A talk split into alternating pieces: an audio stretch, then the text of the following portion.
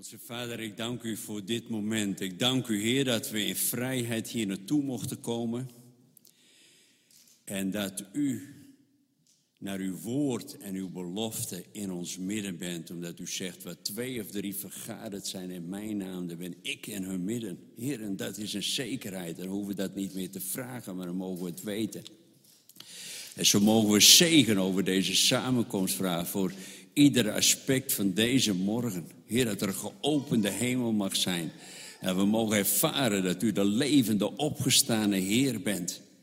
Heer, en dat we zo een zegen mogen vragen. En in het bijzonder ook deze morgen, dat we mogen denken zo als Israël zondag voor uw volk Israël. En we mogen bidden voor de vrede van Jeruzalem. We mogen bidden voor diegenen die hier deze morgen niet kunnen zijn. Heer, die de dienst later luisteren of nu. Vader, dat ze mogen ervaren dat ze erbij betrokken zijn. Bidden in bijzonder voor diegenen die ziek zijn en aan het bed gekluisterd. Heer, wilt u ja, herstel, genezing, uitredding geven. Heer, ik denk zo aan Leoniek, waar we bericht van kregen dat het niet zo goed gaat met haar. Heer, we bidden voor haar. Ze is ver weg bij ons, maar velen in ons midden kennen haar nog, Vader. En wilt u ook aan haar hart werken. En dat uw rust, uw vrede, uw shalom in het hart van Leoniek mag neerdalen. Dat bid ik zo in Jezus' naam. Amen. Goedemorgen gemeente. We willen eh, deze ochtend uh, God groot maken. We willen Hem uh, alle eer geven die Hij toekomt. En dat willen we beginnen met een, een, een, nieuw nummer. En het is een, een nummer die ik uitgekozen heb, ook, ook speciaal eerst voor de jeugd. het is een Engels nummer. Ik heb deze keer heb ik vertaling erbij, dus mensen kunnen gewoon meelezen en meezingen. Als, je het nummer, als je het moeilijk vindt om het nummer mee te zingen, ga gewoon God groot maken. Want daarvoor zijn we hier. We zijn hier niet om leuke liedjes te zingen, we zijn hier om God groot te maken. En Hem alle, alle eer te geven. En ehm, ja, ik hoop dat de, dat de jeugd lekker enthousiast mee zal doen. ik ga ervan uit dat de meesten uh, het lied uh, wel eens gehoord hebben. Dus laat u verrassen en doe vooral mee. En ja, dat God het middelpunt mag zijn van deze dienst.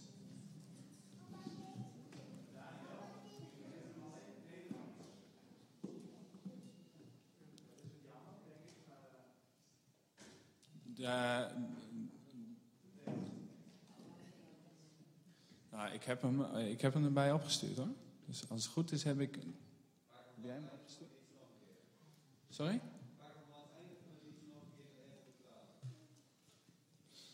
Oké. Okay. Um, weet je wat, dan, dan doen we hem aan het eind van de dienst.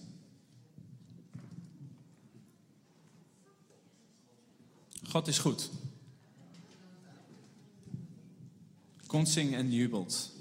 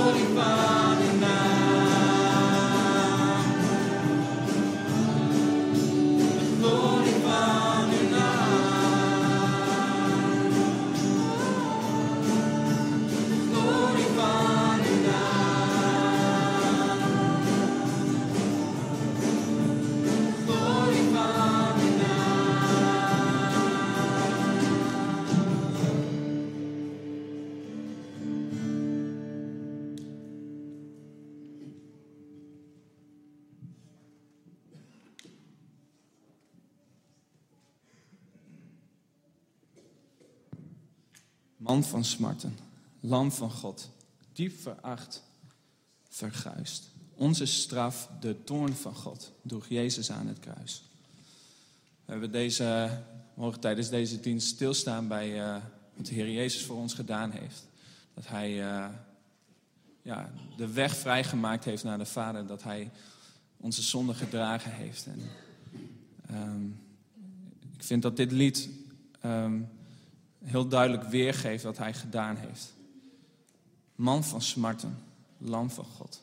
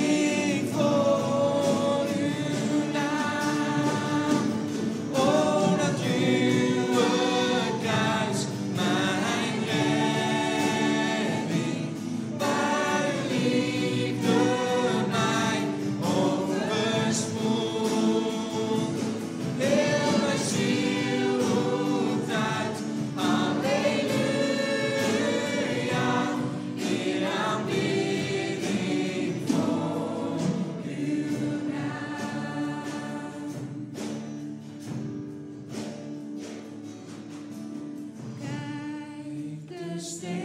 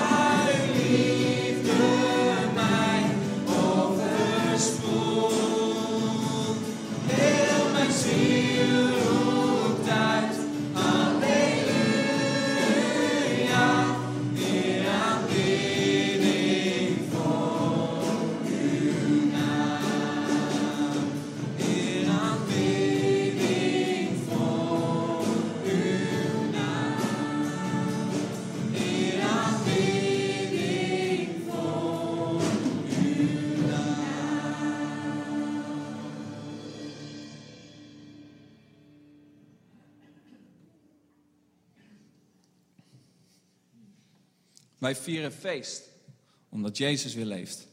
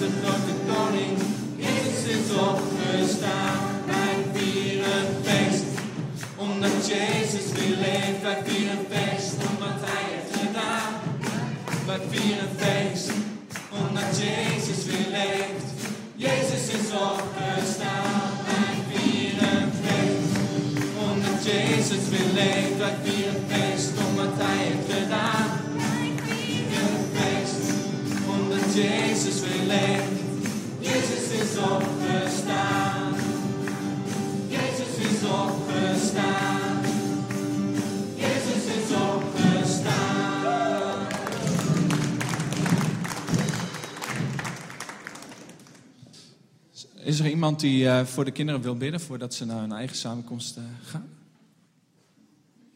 Hemelse Vader, we zijn u dankbaar, Heer, voor uw geweldige liefde, voor uw trouw. Dank u wel dat u leeft, dat u bent opgestaan, dat u de dood hebt overwonnen.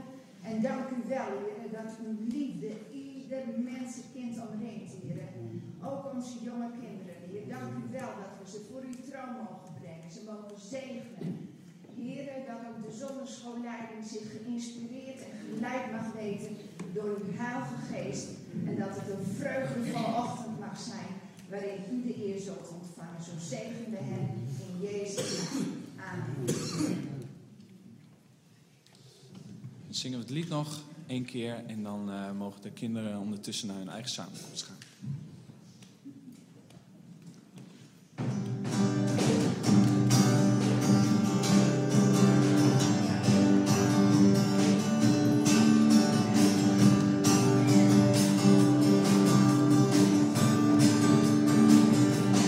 Vieren feest, omdat Jezus weer leeft. Wij vieren feest, omdat Hij heeft gedaan.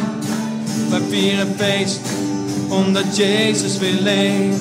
Jezus is opgestaan. Wij vieren feest, omdat Jezus weer leeft. Wij vieren feest, omdat Hij heeft gedaan.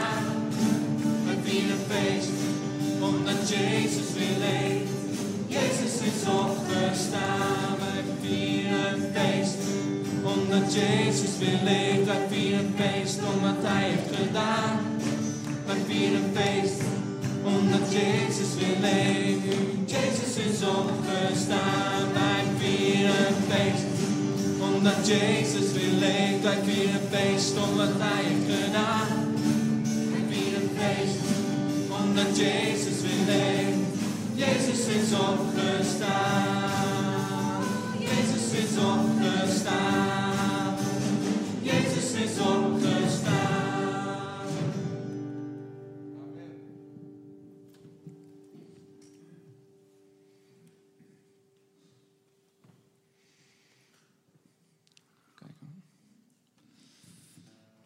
Aan het, eh, toen ik eh, bezig was met de voorbereiding van, eh, van deze zangdienst, ehm, moest ik eh, terugdenken aan wat, wat Aart vorige week eh, tijdens zijn eh, prediking vertelde over het volk Israël die in de woestijn komt. En dat, ehm, we, dat, dat, er staat dat als de wolk optrok, dat, dat, het, dat het volk dan moest gaan, gaan opstaan en hun tent moesten afbreken en ook moesten gaan de wolk achterna.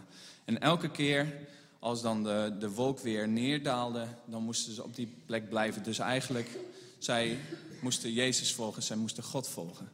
En ehm, de afgelopen periode eh, hebben we, of heb ik stilgestaan bij, bij wat het volk Israël nou allemaal beleefde daar in die woestijn. En, en ehm, wat de reden was ook om eh, door die woestijn heen te moeten.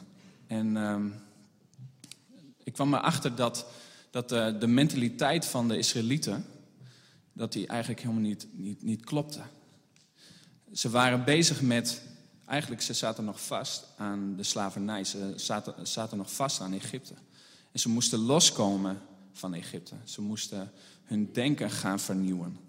Ze moesten gaan, eh, gaan zien dat, dat als ze dicht bij God bleven en, en zijn, zijn eh, regels en bepalingen zouden volgen, dat ze gezegend zouden worden. En, en dat er een, een, een toekomst voor hen lag die fantastisch, fantastisch was.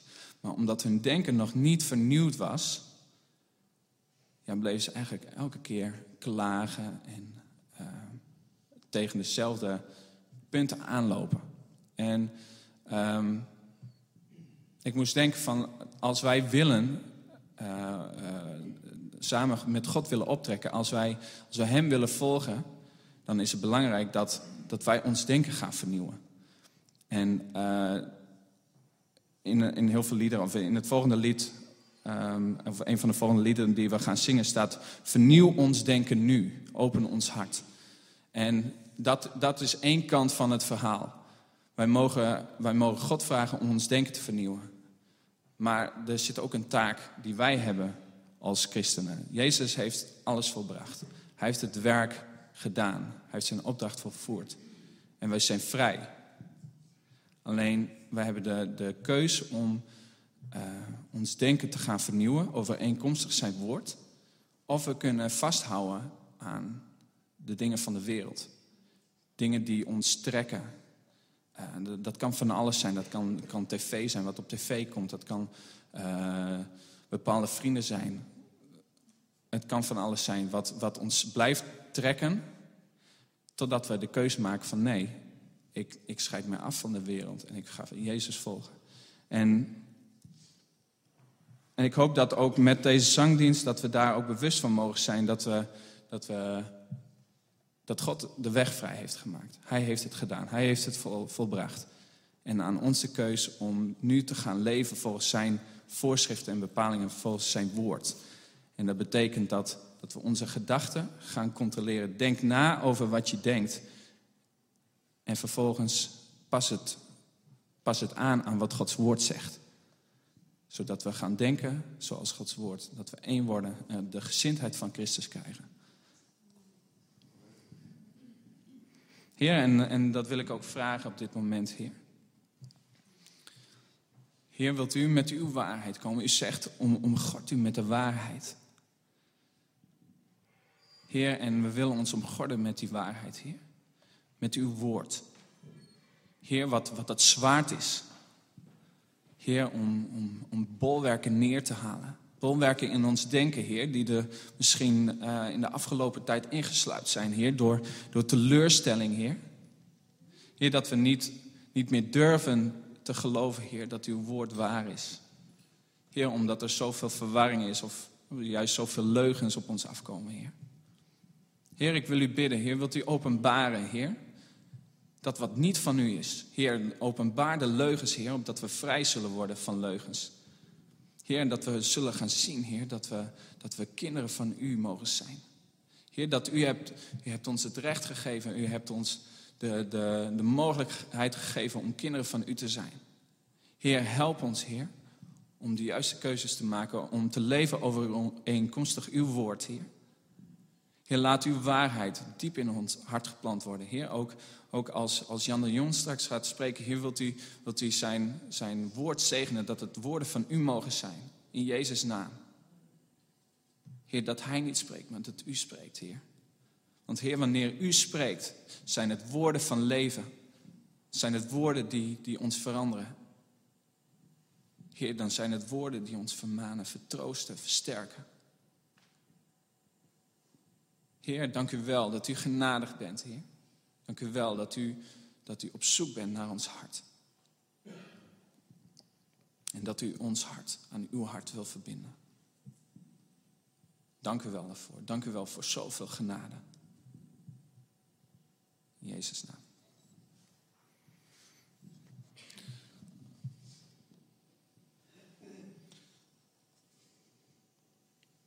Willen nog één lied gaan zingen voordat we naar het avondmaal eh, gaan. U roept ons Vader om als dank voor uw liefde u te aanbidden, Heer. En wij willen komen in uw nabijheid en buigen voor u neer.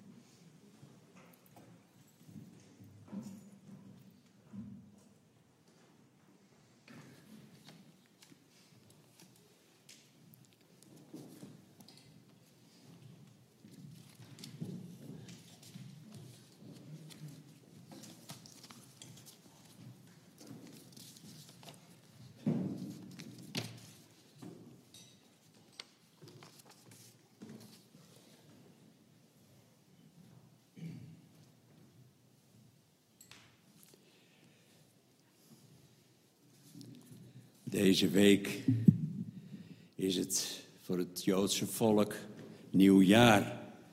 En zij gaan het jaar 5777 in. Het is onze oudere broer.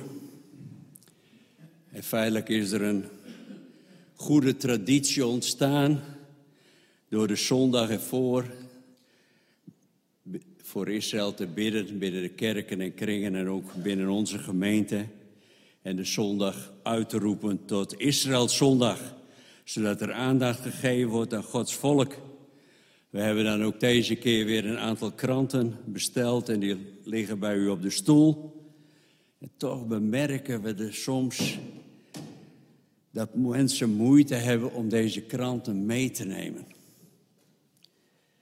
En dan zeggen ze ja, maar Israël, ze doen maar, et cetera, et cetera. Lieve broeders en zusters, weet dan dat het Joodse volk een volk is met veel tekorten. Daniel sprak er net over in de woestijn. De bedekking is er nog. Ze moeten nog vernieuwd worden in hun denken. En het is vandaag en de dag nog precies hetzelfde buiten, die om, buiten diegene om die de Heer Jezus Christus hebben leren kennen. En we hoeven al hun tekorten niet recht te breien. We hoeven dat niet te verdedigen. Maar wel dat we achter het volk staan en het zegenen. In Ezekiel 2 zegt God al tegen Ezekiel: Ga op uw voeten staan, want ik zend u naar de Israëlieten. En dit moet u zeggen. En als ze luisteren of dat niet doen, zij zijn immers een opstandig volk.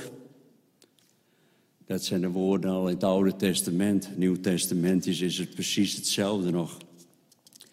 Maar als u zegt, ik heb niks met Israël, dan mag mijn vraag deze morgen zijn, wat hebt u dan met de Heer Jezus? Hij komt uit het volk, een zoon van het volk Israël. Dat wie in Christus Jezus is een nieuwe schepping en dan mogen we geënt zijn op die edele lijf. En ik mocht deze morgen beginnen met de tekst uit 2 Timotheus, bewaar door de Heilige Geest die in ons woont, het goede pand dat u toevertrouwd is. Dit is een goede pand wat ons toevertrouwd is. En als u daar moeite mee hebt, u zegt, denkt bitter voor of de, Heer, of de Heilige Geest u wilt laten zien waar het precies om gaat. En dan zou ik willen vragen, alsjeblieft, neemt u straks de krant mee naar huis. Lees hem. Bid, wees er het mee bezig, maar geef hem ook weer door naar buren. Dat ook buren eens mogen lezen hoeveel positiefs er van het volk Israël uitgaat. En we horen vaak alleen maar heel veel negatieve dingen. Dat we ook even delen ten opzichte van de Israël zondag. We mogen vanmorgen met elkaar het heilige avondmaal vieren. Heer Jezus is onze oudere broer uit het volk Israël. En hij zei, doe dit tot mijn gedachtenis. Het is dus een gedachtenismaaltijd om over na te denken. En u hoeft niet per se lid te zijn van de Philadelphia gemeente. Maar als u behoefte hebt en zegt, ik zou graag in jullie midden deel hebben aan het heilige avondmaal. En dit is de eerste keer voor u. Dan wil ik u vragen even te gaan staan, even te zeggen wie u bent en wie de Heer Jezus is in het kort. Is er iemand die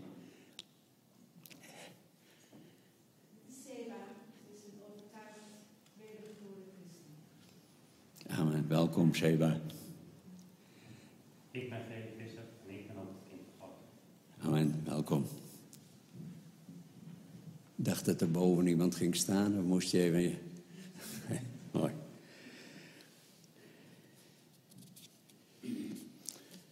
Ik de broeders om het brood te breken.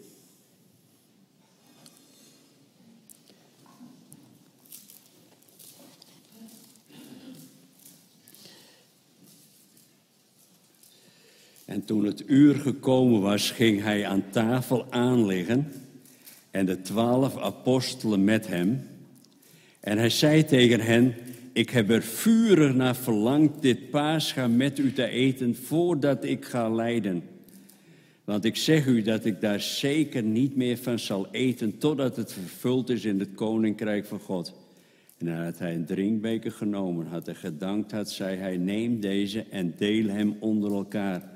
Want ik zeg u dat ik niet drinken zal van de vrucht van de wijnstok, totdat het koninkrijk van God gekomen is. En hij nam een brood en nadat hij gedankt had, brak het, gaf het hun met de woorden: Dit is mijn lichaam dat voor u vergoten wordt. Doe dat tot mijn gedachtenis. En evenzo nam hij ook de drinkbeker. En na het gebruik van de maaltijd. En zei: Deze drinkbeker is het nieuwe verbond in mijn bloed. Dat voor u vergoten wordt. Klaas. Beide Klaassen wil je zegen vragen. En danken voor het brood. En zegen over de beker. Vader in de hemel. Ja, Vader in de hemel, dank u wel, Vader. Dat wij ook het brood mogen zegenen, Heer. En zoals u uw lichaam voor ons gegeven heeft, Heer, zegen ik dit brood in de naam van de Vader, de Zoon en de Heilige Geest in Jezus' naam.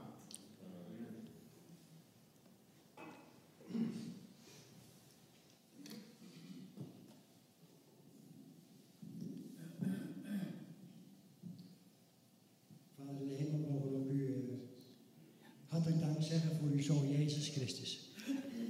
En ik weet dat Hij voor mij, voor ons is gestorven aan het kruis van Golgotha.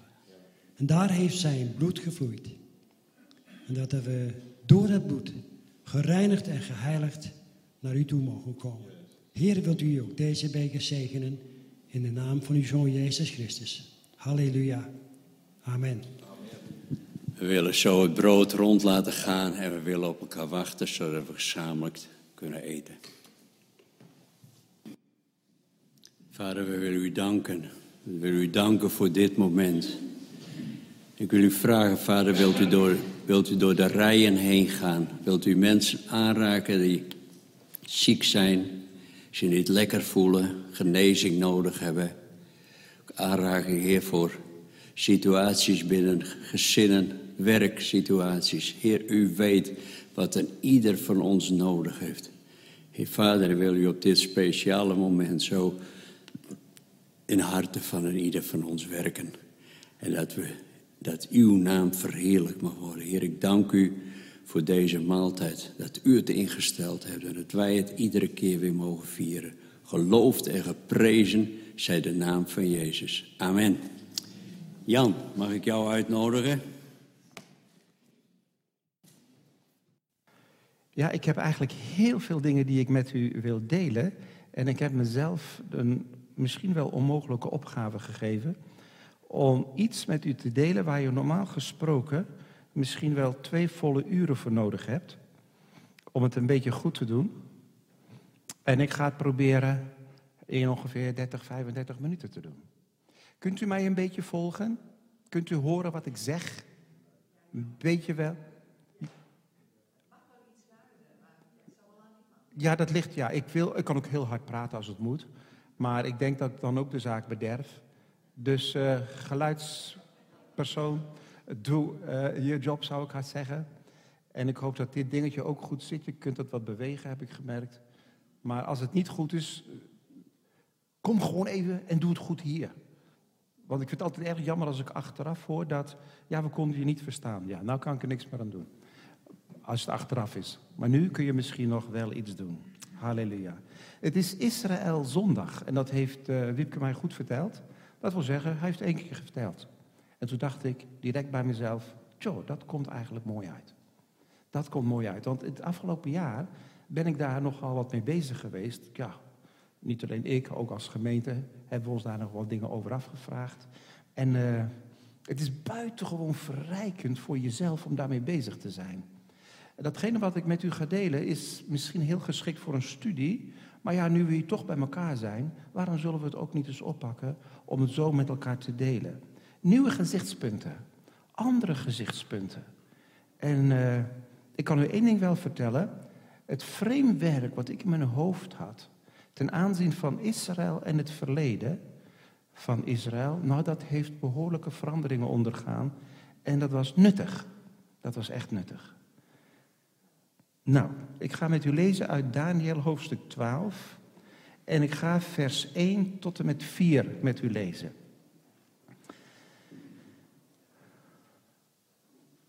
Ja, meestal heb ik het over geestelijke dingen, maar dat zal ik dit keer ook wel hebben. Alleen ik zal het ook vandaag hebben over hele prozaïsche dingen. Uh, feiten enzovoorts. En de Bijbel geeft aanleiding om daar ook de tijd voor te nemen. Dus Daniel hoofdstuk 12, vers 1 tot en met 4. Te dien tijde zal Michael opstaan, de grote vorst, de zonen van uw volk terzijde staat. En er zal een tijd van grote benauwdheid zijn, zoals er niet geweest is sinds er volken bestaan tot op die tijd toe. Maar in die tijd zal uw volk ontkomen. Al wie in het boek geschreven wordt bevonden, vele van hen die slapen in het stof der aarde, zullen ontwaken.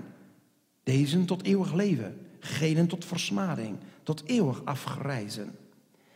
En de verstandigen zullen stralen als de glans van het uitspansel en die velen tot gerechtigheid hebben gebracht als de sterren voor eeuwig en altoos. Maar gij, Daniel, hou de woorden verborgen en verzegel het boek tot de eindtijd. Velen zullen onderzoek doen en de kennis zal vermeerderen. Tot zover.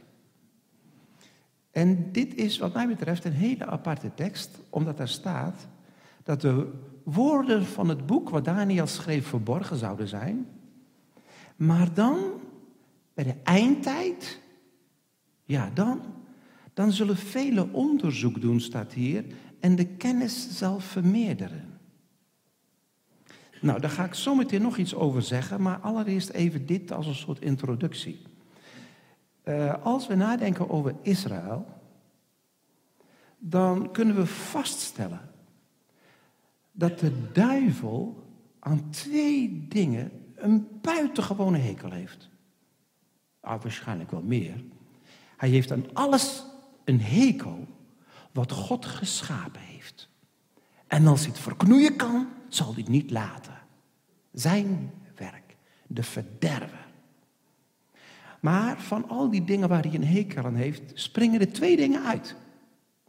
Hij heeft een grofgrondige hekel aan vrouwen en aan Israël. Typisch, hè? Niet aan mannen dan, ja ook wel, maar nog niet zozeer als vrouwen en Israël. Nou, dan zult u zeggen, hoe kom je daar nou bij? In Genesis 3, vers 15 staat dit. En het heeft de duivel gehoord en begrepen. Ik zal vijandschap zetten tussen u en de vrouw en tussen uw zaad en haar zaad. Dit zal u de kop vermorzelen. En jij zult het de hiel vermorzelen. Broeders en zusters, dat heeft de duivel gehoord. Vrouw, dacht juist dat ik het verleid had, dat ik succesvol geweest was. Nou, die vrouw gaat jouw kop vermorzelen. Genesis 3. En weet u, elk normaal mens, die zou dan gesnapt hebben, ik heb hier een probleem. Met die vrouw. Toch? En als je nou eventjes door de hele geschiedenis heen kijkt, tot op de dag van vandaag, en je ziet het geweld en de discriminatie van vrouwen, dan snap ik het in één keer. Iets duivels in origine. Weet u, in Iran, daar was op een gegeven moment een dame, zij woont nu in Zoetermeer, is christen geworden, en die stapte uit de taxi. Het is daar natuurlijk verplicht om een hoofddoek te dragen. En de grap is altijd, hoe draag je die? Draag je hem zo? Of draag je hem zo? Of draag je hem zo? Of neem je een doorzichtige? Maar de politie let erop. De politie, speciale politie, die loopt over straat. En die kijkt naar de vrouwen om te zien. En toen was er eentje die stapte uit de taxi en het vervelende is, die taxis zijn heel laag. Dus als je daaruit wilt lopen, dan is dat een beetje lastig. Dus toen werd haar mouw een beetje omhoog gewerkt, zodat je haar pols kon zien. En toen stond daar de politie. En die zei, kan jij niet even fatsoenlijk uit die taxi stappen? Ja, oh, sorry meneer, sorry meneer. Ja, sorry, dat doen we niet aan. Dus zij is richting politiebureau gegaan, heeft 70 stokslagen of zweepslagen gehad, dat weet ik niet meer. En toen moest ze die nacht in de cel blijven en de volgende dag mocht haar vader haar ophalen. En ik denk dat toen die vader bij het politiebureau kwam, toen had hij het liefst gezegd, ik doe die mensen wat aan. Maar heeft hij niet gedaan hoor. Hij is heel bedeesd naar het politiebureau gegaan. Toen zei ze, joh, kan jij je eigen dochter niet opvoeden? 19 jaar oud. Ze weet niet eens hoe ze uit een taxi moet komen fatsoenlijk. Ik zei, oh, sorry, neem me niet kwalijk. Eh, ik heb mijn best gedaan in de opvoeding, maar ik moet toegeven, het is dan blijkbaar niet zo gelukt. Ik zal het beter doen. Toen kreeg hij zijn dochter mee. Maar die kon drie weken niet op haar rug liggen. Nou, zult u zeggen, joh, dit is cultuur, man. Dit is cultuur. Hé, hey, broeders en zusters, dit is geen cultuur meer. Dit is duivels van aard. Daar ben ik persoonlijk zeker van. Want ik heb u nu nog maar één voorbeeldje verteld. En de tijd ontbreekt mij om dit te illustreren met nog veel meer voorbeelden. En op een gegeven moment dan realiseer je, dit is irrationeel. Dit is niet norm, dit komt ergens vandaan. Niet zomaar bij mensen vandaan, dit komt bij de duivel vandaan. Dan kan ik het snappen. Als het bij mensen vandaan zou komen, dan kan ik het niet snappen.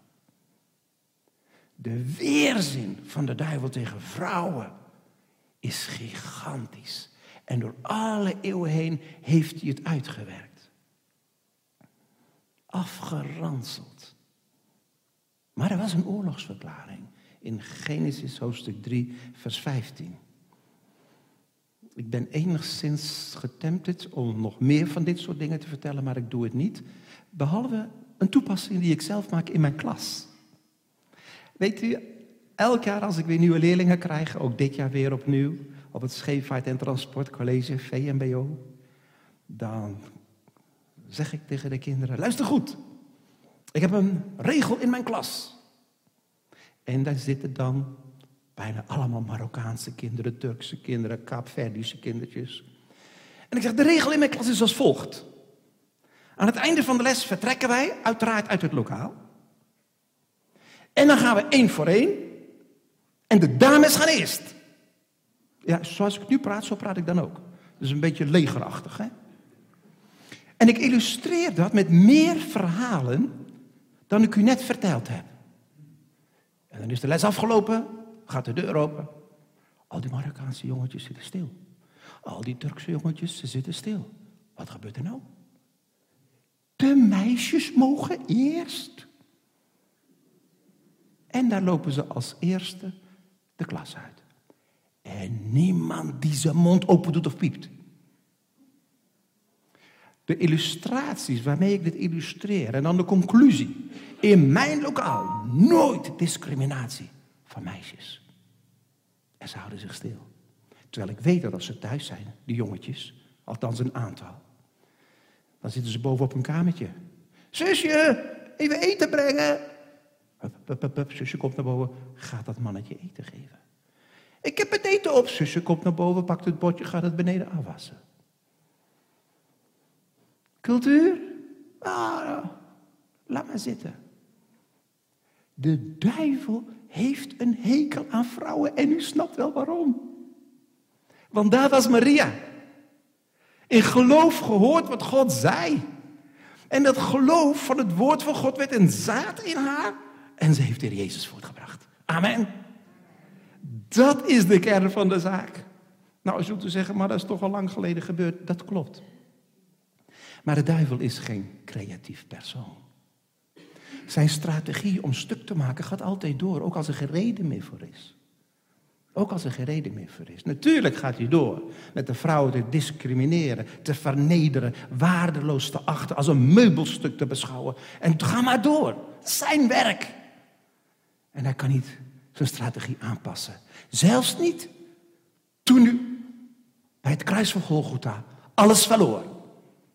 Amen. Alles verloor. Gaat hij gewoon door.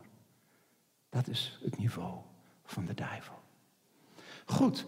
Nou, dat is dan even een hekel aan vrouwen. Maar nu, die vrouw was natuurlijk ook niet op zichzelf staand, want die maakte deel uit van een volk. En dat is het volk Israël. Amen. We hebben het net trouwens gehoord, je hebt het gezegd. Ja. Jezus kwam uit het volk Israël. En de duivel wist wat hier gebeurt. Door die vrouw is al een probleem. Maar dat het door dit volk zal gaan, hoe kan ik daar wat mee doen? Weet u, ik was in een van de steden van Iran, in Hamadan om precies te zijn. En er was een winkel, daar verkochten ze hele mooie vazen en potten. Dus ik dacht, ik ga eens even kijken. Ik ging die winkel in. En toen vroeg de meneer aan mij, bent u een Duitser? Ik zeg, nee, ik ben geen Duitser. Ik ben een Hollander. Oké. Nou, zegt hij, Duitsers, goed, goed. Hitler, goed, goed. Jammer, kon het werk niet afmaken. Zes miljoen Joden, maar hij kon het niet afmaken. Nou, dus, dus ik kan u niet zeggen, nog nooit van mijn leven heb ik zoiets gehoord. Een mens tegenover je die zegt Hitler goed zo, Duitsers goed, Hitler goed. Zes miljoen, jammer, hij kon het niet afmaken. Ik was zo verbijsterd. Kijk, u begrijpt, ik heb geen interesse gehad om iets te kopen daar. Ik ben die winkel uitgegaan, een poosje later even weer langsgelopen om te kijken. Zit er nou een mens of wat anders? Maar het bleek toch een mens te zijn. Want toen zat hij op zijn stoel en toen zat hij zijn thee te drinken. De duivel heeft een verschrikkelijke hekel aan Israël. En de mensen die zich aansluiten bij zijn gedachtegoed. Weet u, na de Ramadan, in Iran althans, Shiïtisch islam. De laatste dag van de Ramadan. Die wordt doorgebracht met het vervloeken van Israël. Nee, serieus. Dan zijn er grote optochten op straat. En ze roepen dood aan Israël. En zo hossen ze door die straat. Ik moet zeggen, één keer, enigszins toevallig, kwam ik daar middenin terecht. Samen met mijn vrouw Immy. Wij zaten in een auto en we gingen die straat in. En dan is die hele straat vol. Dan moet je met je auto daar doorheen wringen. En allemaal mensen die dat roepen. Het is de dag waarop je Israël vervloekt. Oh. En de kwaadaardigheid die dan in de lucht hangt, die kan je bijna met een mesje snijden. Begrijpt u? U heeft wel eens het idee gehad van sfeer. Hè? Ah, dat is een goede sfeer. Ah, dat is niet zo'n goede sfeer. Als je in zoiets terechtkomt, is het overal duisternis, kwaadaardigheid, 100 procent. Ah, het was een aparte ervaring. Maar ik vertel dit natuurlijk eventjes om te schetsen. De duivel, een grof, grondige hekel aan vrouwen en Israël. En Israël. Weet u, je hebt een eh, heel interessant archeologisch punt in het zuiden van Iran. Dat is het, de ruïnes van het paleis van koning Darius. En daar zie je op de stenen muren afgebeeld al die volken die belasting kwamen afdragen. En in een stukje van die afbeelding kan je zo zien, hé, hey, dat zijn Israëliërs geweest. Die hebben dat ook gedaan. En op dat opschrift daaronder stond ook, deze mensen uit het volk Israël die belasting betalen aan koning Darius. Kwam een paar jaar later weer terug op hetzelfde plek. Had ze dat bord veranderd. En dan is gezegd, dit zijn Palestijnen die belasting betalen aan de koning Darius. Zo. Dan sta je toch te kijken, hè? Ik stond ook te kijken, hoor. Ik denk, hoe is het mogelijk, joh? Liegt er maar op los.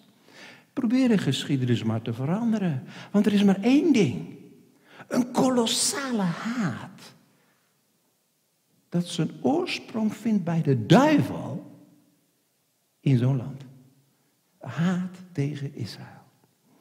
Ik heb een collega die is ook Soenitisch moslim.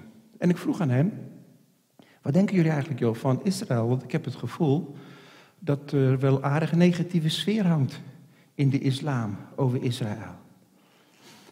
En weet je wat hij zei? Hij zei, het is een vervloekt volk. Ik zei, eh? oh, oh, hoe dan? Hij zei, nou weet je, ze dachten dat ze het uitverkoren volk van God waren. En dat was ook wel zo. Maar toen hebben ze het totaal bedorven en nu is het een vervloekt volk. Ik zei, oké, en moeten jullie helpen om die vloek uit te werken? Want dat was me te gek. Zeiden, nee, nee, nee, nee, nee. Nee, wij, gaan, wij, wij doden ze niet. Dat mag helemaal niet. Wij doden ze niet. Dat mag helemaal niet. Een vervloekt volk. Ze zeggen dat ze uitverkoren zijn. Nou, broeders en zusters, dit was even schetsen van een situatie wat mij betreft. In deze wereld leven wij op dit moment. Halleluja. Amen. Maar nu ga ik even terug in de geschiedenis. En dan ga ik nu wat feitjes noemen. Gebaseerd op die tekst van Daniel, waarin hij zegt: Velen zullen onderzoek doen en de kennis zal vermeerderen. Weet u, dat hebben ze in andere vertalingen anders vertaald. En het Hebreeuwse woord wat hier gebruikt is, dat spreek je uit als shoot. En dat betekent eigenlijk, de mensen zullen heen en weer gaan en ze zullen ontdekkingen doen. Nou ja, heen en weer gaan, wat bedoelen we daar nou mee? Er is één vertaling, vooral in de Engelse, daar doen ze het aardig goed. Daar zeggen ze, velen zullen heen en weer gaan en de kennis zal, worden, zal toenemen. En eindelijk was er een vertaler die dacht, ik geloof dat ik nu snap wat het is. En die heeft vertaald, velen zullen gaan reizen en de kennis zal toenemen. En dat lijkt een hele goede vertaling te zijn, want er wordt veel gereisd. En je komt dus van alles tegen op die reizen. En zeker in de eindtijd, heden ten dagen. Wat wordt er niet gereisd? Ik denk dat er elke dag ongeveer een kleine miljoen mensen in de lucht hangen. Allemaal in vliegtuigen heen en weer. Allemaal heen en weer. Allemaal heen en weer. Er wordt enorm veel gereisd. En dat heeft zaken opgeleverd. En dat voorzag Daniel. En hij moest het boek even sluiten. Totdat deze dingen gebeuren. Veel reizen. Nou, wat heeft dat opgeleverd? En nou ga ik even met u terug naar de tijd van koning David. Die met een geweldig leger. Ik hoop trouwens dat u het Midden-Oosten kaartje een beetje in uw hoofd hebt. In ieder geval, Daniel heeft het volk Israël gebied veroverd tot en met. Hij had 1,5 miljoen soldaten. Dat is een flink leger, broeders en zusters. Staat geschreven. En hij heeft de koningen van Mesopotamië allemaal verslagen. Het was wel een flinke strijd, moet ik zeggen. En dan staat er, ja, het was God zelf die David voorspoedig maakte in al zijn oorlogen. En toen David eindelijk klaar was, toen wilde hij een tempel bouwen. Maar toen zei de profeet, doe maar niet. Te veel bloed aan je handen, man. David had hele goede contacten met de koning van Phoenicië, dat is ongeveer Libanon. Hij had ook contacten met uh, koning Hiram was dat, dat was zijn naam. En het belang daarvan is eigenlijk dit. Koning Hiram had een geweldige vloot. Het was niet een groot volk. Maar hij had een vloot en ze kenden alle waterwegen in die tijd. En toen David contact zocht met Hiram en een verbond sloot, toen gingen de mensen van het volk Israël gingen mee op die boten en leerden zo het vak van zeevaart. Nou, u zult zeggen, kleinigheidje, maar toch niet helemaal. David was oppermachtig, sloot een verbond met Egypte. De Egyptenaren waren heel slim. Want die konden zomaar een piramide bouwen. En als je kijkt hoe ze dat deden, dan snap je er niks van. Daar zitten grote blokken beton, nee, steen. 20.000 kilo tegen elkaar aan. Je kunt er nog niet een scheermesje tussen zetten. Hè? Ik dacht dat uh, duizend jaar voor Christus de zaken primitief waren. Toch? Want dit speelt zich af duizend jaar voor Christus. Het was toch zeker primitief? Nou, toch niet zo primitief. Blijkbaar. Toch niet zo primitief. Toen kwam koning Salomo. En van koning Salomo wordt er gezegd: Zo'n koning is er nog nooit geweest en zal er ook nooit meer komen. En velen van ons leggen het uit als nou, beeldspraak misschien. Of nou ja, voor die tijd dan. Maar weet u, het is waar. Nou zullen we zeggen, ja, dat zou je toch kunnen weten, het staat in de Bijbel. Ja, dat weet ik. Maar we hebben ondertussen heel veel dingen naast de Bijbel ook geleerd over geschiedenis. En voor ons is dat een beetje, nou, het bronzen tijdperk of het ijzertijdperk of zoiets. Primitief zit in ons hoofd. Maar van koning Salomo kunnen we zeggen, hij was de grootste koning ooit. Na hem is er ook nooit meer een zo groot geweest. Hij was wijzer dan alle wijzen in het oosten, inclusief de Egyptenaren. 1 Koningen 4 enzovoort, kunt u het lezen. Het was Gods werk in het leven van Salomo. En Salomo had goede verbindingen met Phoenicië. Dus die boten en dat varen, dat kwam er bij de Israëlieten steeds meer in. Hij had ook goede contacten met Egypte. En die boten die bleven maar varen. En weet u, die boten die voeren naar plekken waarvan wij dachten dat ze niet eens bestonden. En er staat geschreven dat om de drie jaar kwamen de boten van koning Salomo even langs. En dan hadden ze de meest exotische dingen bij zich. En wij weten nu dat als je met een zeilboot de wereld rond wilt gaan, doe je er drie jaar over. Ja. Dus dat deed Salomo, die deed daar drie jaar over. Zijn boten tenminste. En als ze dan weer terugkwamen, volop met de meest exotische dingen. Die koning Salomo, die had invloed inderdaad over de hele wereld. En ze zaten bijvoorbeeld in Cornwall, in Engeland, had je tinmijnen. En daar waren ze bezig die tinmijnen te ontginnen. En in die kroon van de koning van Farao zat tin verwerkt. Dat kwam eenvoudigweg uit de tinmijnen van Zuid-Engeland. Is dat een voorstelling die wij hebben? Nee, wij denken Columbus ontdekte Amerika. Maar de werkelijkheid is dat ze al rond 500.000 voor Christus al met hun boten daarheen gingen. Simpelweg. En er is een, of andere historicus geweest, die heeft dat ook genoteerd en zegt, ja, toen dreven ze al handel met het gebied uh, bij de pilaren van Hercules, daarachter. Dat is Gibraltar. Dat is Gibraltar. Daar voeren ze toen al heen op boten die wel 600 mensen konden dragen. 600 mensen.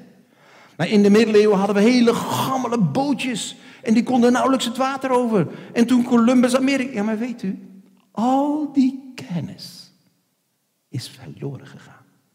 Ik zal u zo meteen nog zeggen hoe dat kan.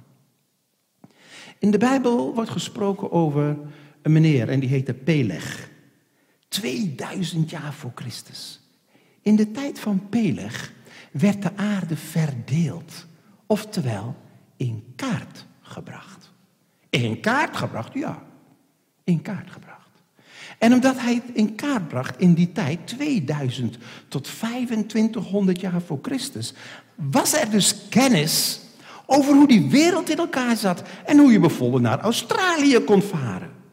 En daarom hebben ze in Australië ook spullen gevonden met Joodse, of eigenlijk moet ik zeggen, Hebreeuwse inscripties. En zo kun je het over de hele wereld vinden. Want ja, er was een of andere geleerde man en die liep in het gebied van de Sioux-Indianen. En behalve dat hij de Sioux-Indianen zag, zag hij ook een steen met inscripties. Maar niemand begreep wat het was. Maar deze man was geleerd. En die keek eens even heel goed.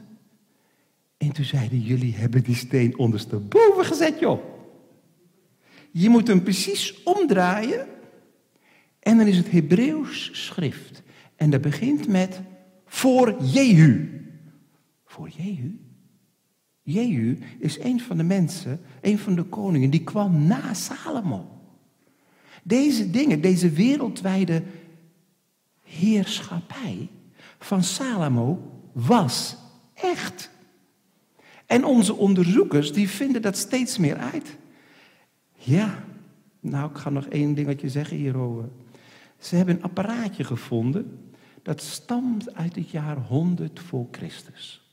Klein dingetje, staat onder in een museum. En toen dachten ze, wat is dat? Laten we het dus schoonmaken. Toen hebben ze het schoongemaakt. Dat was helemaal aan elkaar geroest, geoxideerd. En toen kwamen ze erachter dat je met dat kleine apparaatje precies kon vaststellen waar je bent, welke richting je uitgaat, wat voor dag het is, de datum, de zonsopgang, de zonsondergang en de situatie van de maan. Men was zo verbaasd dat ze dit vonden. Het lag onder in een museum, ze wisten niet wat het was. Dat de professor die zich daarmee bezighield, die zei: Dit is zo wonderbaarlijk. Honderd jaar voor Christus hebben ze zo'n ding. Dat is hetzelfde als dat we een straaljager zouden vinden in de tombe van Tutankhamon. Weet u, dit klopte totaal niet met het wereldbeeld wat ze hadden. Totaal niet. En weet u, ik geloof dat er wel een boek volgeschreven is met dit soort dingen. Alleen u zult het over het algemeen niet horen. Het is een typische technologie die men in die tijd had, waarmee men wist hoe de zwaartekracht te gebruiken in zijn tegendeel, zodat je dan 20.000 kilo blokken op een of andere manier kunt verplaatsen. Hoogst merkwaardig. Wij weten niet eens hoe ze dat deden. Men heeft lenzen gevonden van telescopen die zo nauwkeurig zijn dat ze wel machinaal geslepen moeten zijn. Ik kan heel lang doorgaan, maar weet u hoe het komt dat al deze dingen weg zijn? Oh, hij staat nog goed, hè? Ja. Hoe komt het dat deze kennis verloren is gegaan? Dat hebben we te danken aan een barbaars volk. Romeinen. Wat? Romeinen? Ja, Romeinen. Want toen Julius Caesar in Cairo Egypte veroverde, toen zag hij daar 700.000 boekrollen in de bibliotheek. En wat heeft hij gedaan?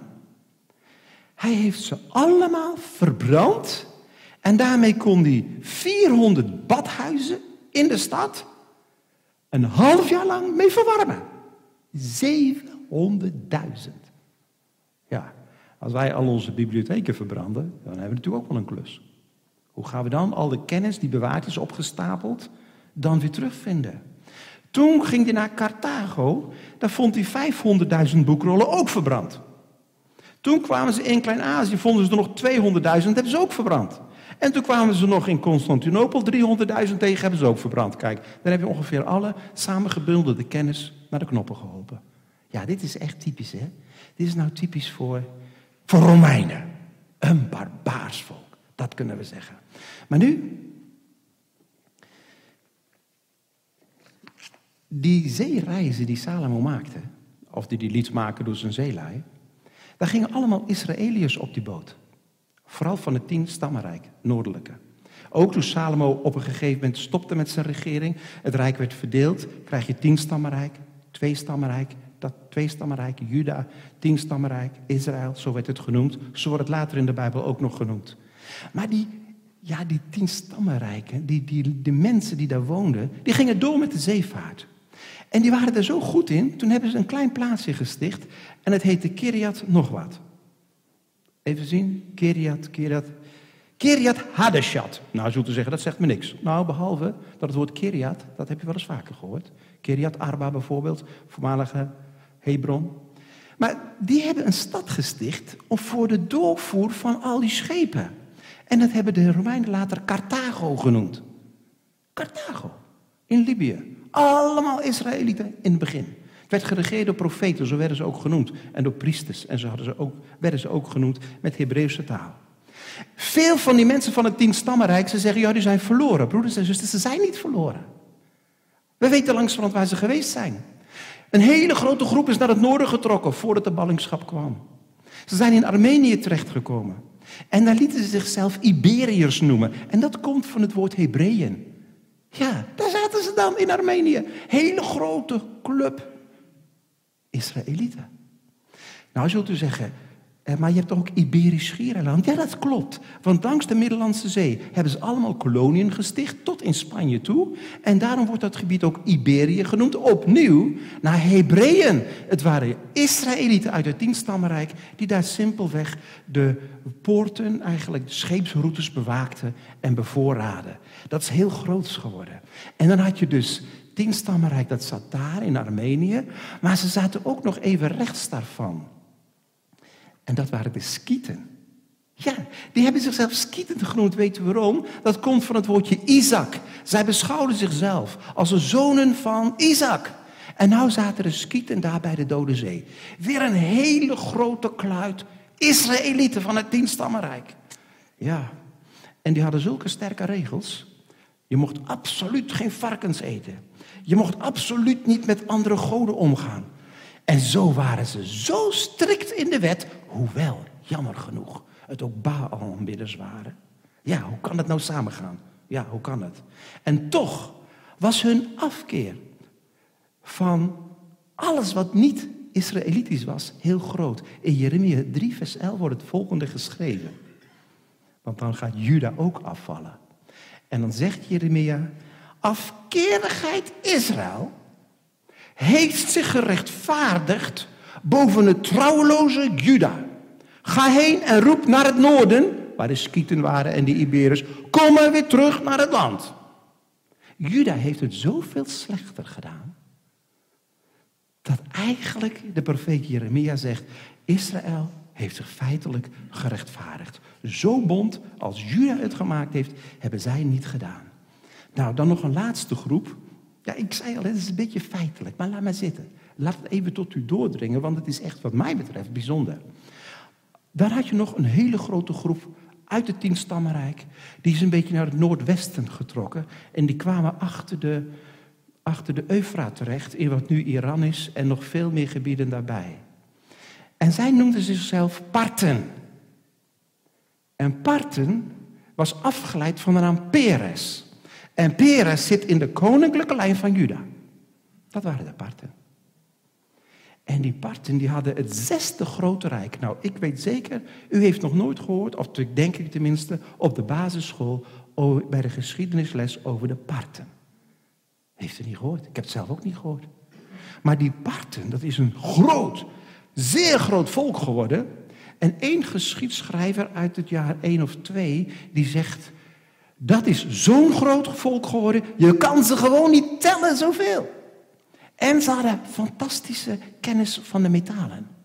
Dus toen de Romeinen kwamen en dachten, dat gebied pakken we ook nog even. Toen werden ze finaal teruggeslagen door de Parten. Maar de Parten hadden geen zin aan Romeins land. Zeiden, we zitten lekker hier achter de Eufraat. Dus die bleven zitten. Toen dacht Rome, dat, dat ga ik nog een keer proberen. Ze sloten een verbond, ze verbraken het verbond. Gingen de Romeinen opnieuw de Parten aanvallen. Ze werden totaal verslagen, veel betere wapens. En ze moesten veel grond prijsgeven. En de Parten kwamen zelf in Israël terecht. En daar zeiden ze, ja, wij weten heel goed, wij horen ergens bij elkaar. Wij horen bij elkaar. Toen zij in het Joodse volk terechtkwamen, hoorden ze bij elkaar. Bij elke oorlog werden de Parten geholpen door de Skieten en ze werden ook geholpen door de Iberiërs. Want ze wisten van elkaar, wij hebben een gemeenschappelijke oorsprong. Ze wisten het. Afijn, toen Rome erachter kwam, we zijn voor de tweede keer verslagen door die Parten. Toen heeft de keizer gezegd, en van nu al aan, geen oorlog meer met de Parten, blijf met je vingers van de Parten af. Nou, gaat gelijk. En dat was zo handig, want toen de wijzen uit het oosten kwamen, kwamen ze uit het gebied van de Parten. En je kunt voorstellen, ze konden zo Jeruzalem ingaan. En niemand, ze bleven van de Parten af. De Romeinen hadden een hekel om het leven zuur te maken eh, van de Parten. Dat hadden ze twee keer gedaan en hadden ze nu wel afgeleerd. Flavius Josephus, een oude historicus, die schrijft: De tien stammen bevinden zich tot nu toe ook achter de Eufraat en bestaan uit immense menigte. Hun aantallen kunnen niet in cijfers worden geschat. En nou, broeders en zusters, hebben we even genoeg geschiedenis gehad. Ja, toch?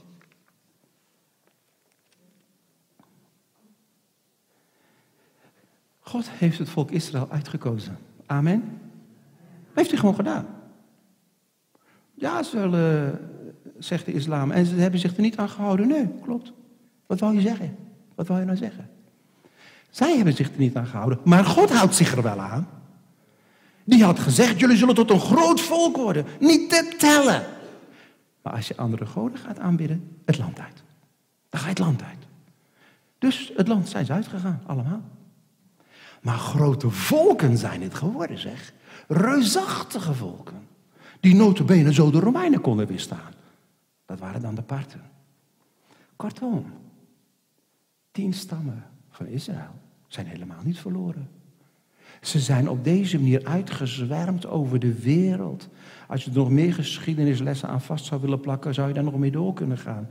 Maar ik wil even wijzen op een tekst uit Genesis 49. En dan heb je een beetje huiswerk als u het leuk vindt. Hè? Daar staat. Daar zegt Israël, Jacob, luister naar Israël, jullie vader. Ik ga zeggen wat jullie aan het einde der dagen zal overkomen. Nou, ik weet dat sommigen zullen denken, hé, hey, er staat bij mij iets anders. Maar u zult zien bij de aantekeningen van de herziene statenvertaling, zeggen ze, nee, dit is eigenlijk wat er moet staan. Ik ga zeggen wat jullie aan het einde der dagen zal overkomen. Die Israël, die vader, Jacob, die geeft profetieën over al zijn kinderen, over datgene wat ze in het eindtijd zal overkomen. Als u zo die profetieën leest, broeders en zusters, dan heeft u een hele interessante studie voor de boeg. In 1948 is Israël teruggekomen op de plek waar ze oorspronkelijk vandaan komen. Amen. Tja, niet te geloven, joh. Had nooit iemand gedacht dat dat kon. Honderden jaren lang hebben geleerde mensen geschreven dat dat niet kon. En sommigen die geloof hadden, hebben geschreven het kan wel. En toen is het gebeurd. Hoe je het ook went of keert, Israël is terug in het eigen land. Keerde God zich daar niet van hen af, zoals de islam denkt? Hebben ze het niet bedorven? Broeders en zusters, ze hebben het bedorven. Maar broeders en zusters, God heeft ze niet afgekeerd. Simpel. Als je niet begrijpt wat Christus gedaan heeft, zegt ze zijn vervloekt. Ja, ze zijn vervloekt. Misschien wel, misschien ook niet. Maar één ding. In Christus is de vloek verbroken. Amen. Dat snappen. Iemand uit de islam kan dat niet snappen. Kan een vloek verbroken worden? Nou, sterker nog, broeders en zusters. Het is verbroken. En nou zie je de verbinding tussen Christus en zijn volk. Die vloek van de wet, die vloek van het leven wat zij hadden, is verbroken.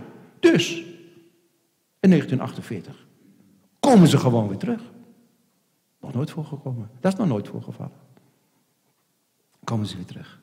Want er staat geschreven in Romeinen 11, vers 21. De roeping van God is onberouwelijk. Hij komt daar niet op terug. Fijn hè? Ja. Weet je, dat is fijn voor een volk. En dat is ook fijn voor u. als u bij jezelf merkt, hé, hey, dit was de roeping van God over mijn leven. Hé, hey, ik heb het misschien niet helemaal op de juiste manier uitgewerkt. Nou, dat zal wel niet. Dan moet u kijken.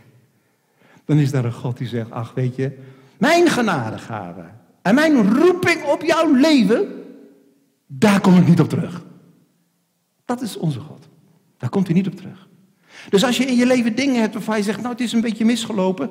Of als je dingen hebt waarvan heel veel misgelopen is. En als je kijkt naar het volk Israël, zoveel misgelopen. Ah.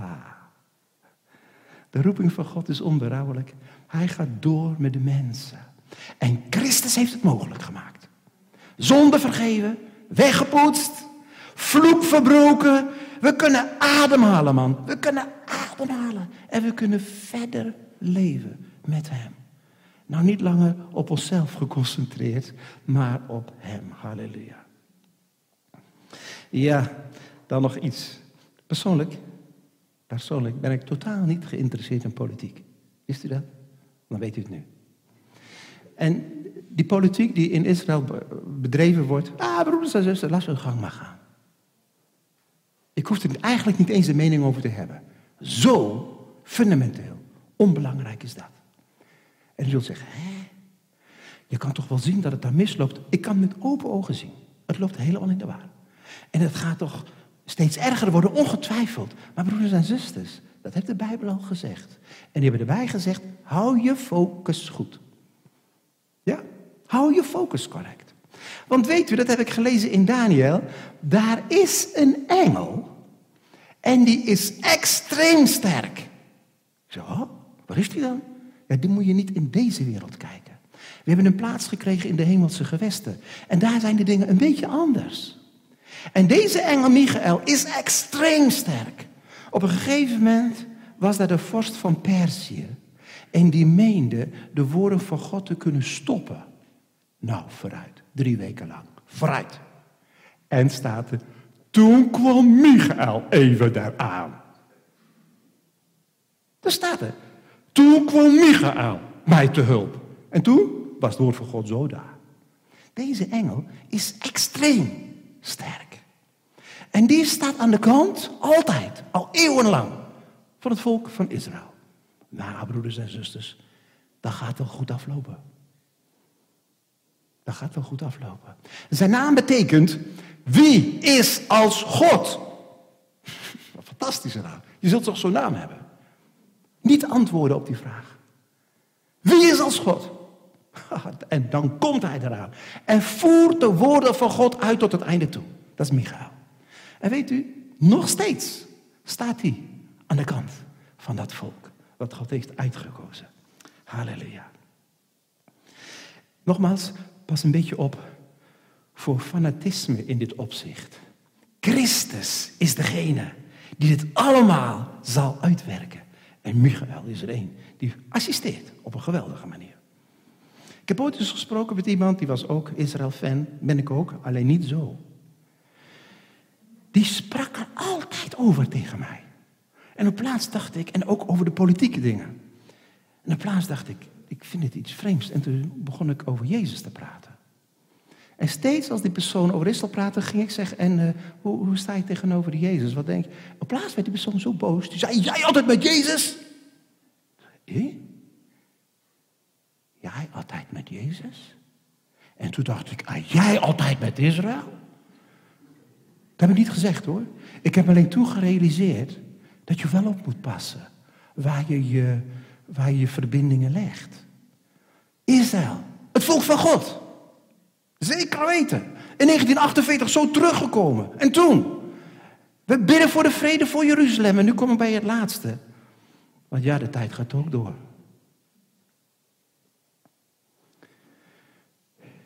Sommigen zijn zo gefocust op deze wereld. En dan denken ze, ja, Jeruzalem, Jeruzalem. Broeders en zusters, bid Jeruzalem vrede toe. Want als zij vrede hebben, hebben wij het ook. Maar dat Jeruzalem is een apart plekje. Want er staat geschreven in Openbaringen vers 21, vers 10, dat Jeruzalem zal nederdalen uit de hemel van God. Wat? Dus er komt niet een of andere kampioen die daar vrede brengt en de hele zaak netjes opbouwt, zoals het vroeger ook was. Nee. Het nieuwe Jeruzalem zal nederdalen uit de hemel van God. En dan is het hier.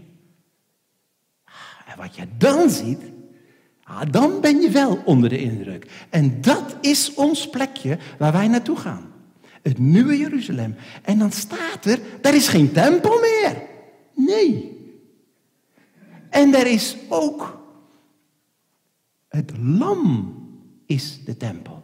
En nou snap je in één keer hè, dat toen Mozes die tabernakel maakte, het model van de tempel, toen maakte hij dat volgens het voorbeeld dat in de hemel was.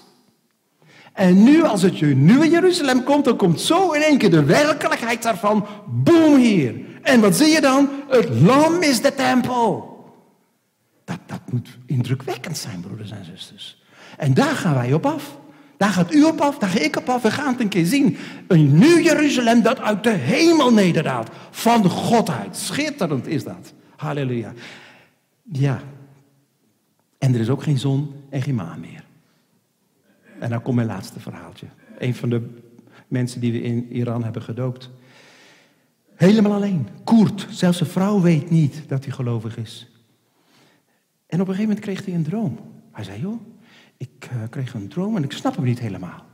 Ik zag jou samen met Emmy lopen in een heel mooi gebied. En ik zelf was er ook. Het was schitterend mooi. En afgezien daarvan, het was ook licht.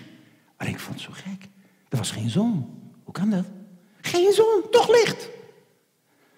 Ja, als je de Bijbel kent, weet je het. Die situatie wordt een keer normaal. Dus dan hebben we ook gezegd, ja, kijk maar naar openbaringen 21. Er zal in die plaats geen zon meer zijn en geen maan, want God zelf is het licht. En hij had in zijn droom dat meegemaakt en snapte even niet waar de zon nou toch gebleven was. Leuk hè? Dat is de plek waar we op afgaan. God zegen u als u verder nadenkt over Israël. Amen.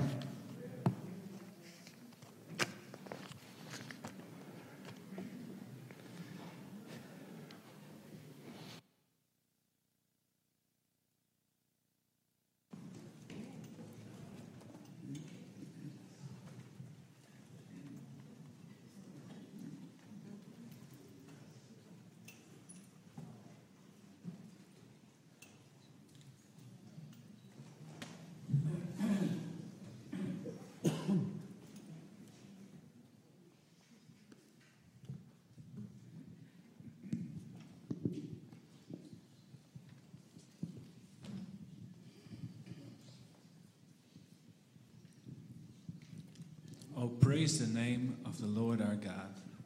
Dat is het eh, lied wat we nog te goed hebben.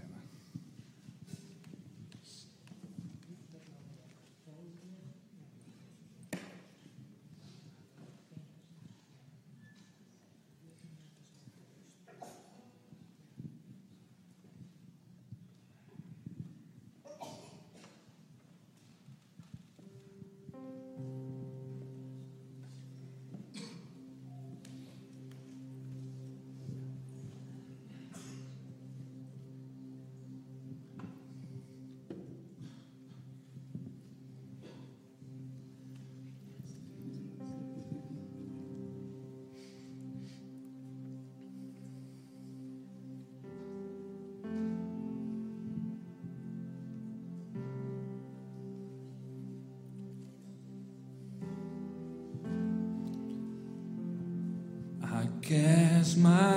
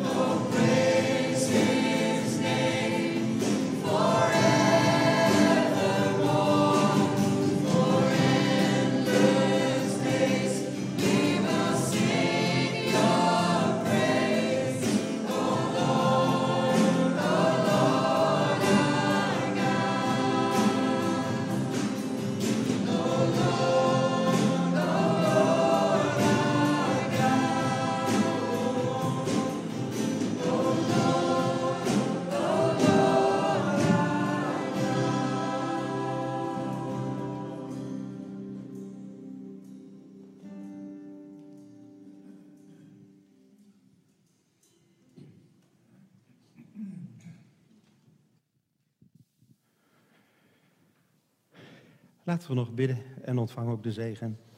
Vader in de hemel, wij eren de machtige naam van Jezus ook deze morgen in ons midden. Wij roemen u als degene die de sleutel heeft door de geschiedenis van God uitgewerkt kan worden in deze wereld tot het schitterende einde toe. Wij eren de naam van Jezus die dit alles heeft mogelijk gemaakt, de deuren heeft geopend, bevrijding heeft gegeven. Halleluja. En de genade van onze Heer Jezus Christus, de liefde van God en de troostvolle leiding van de Heilige Geest, die is met ons. Halleluja. Amen.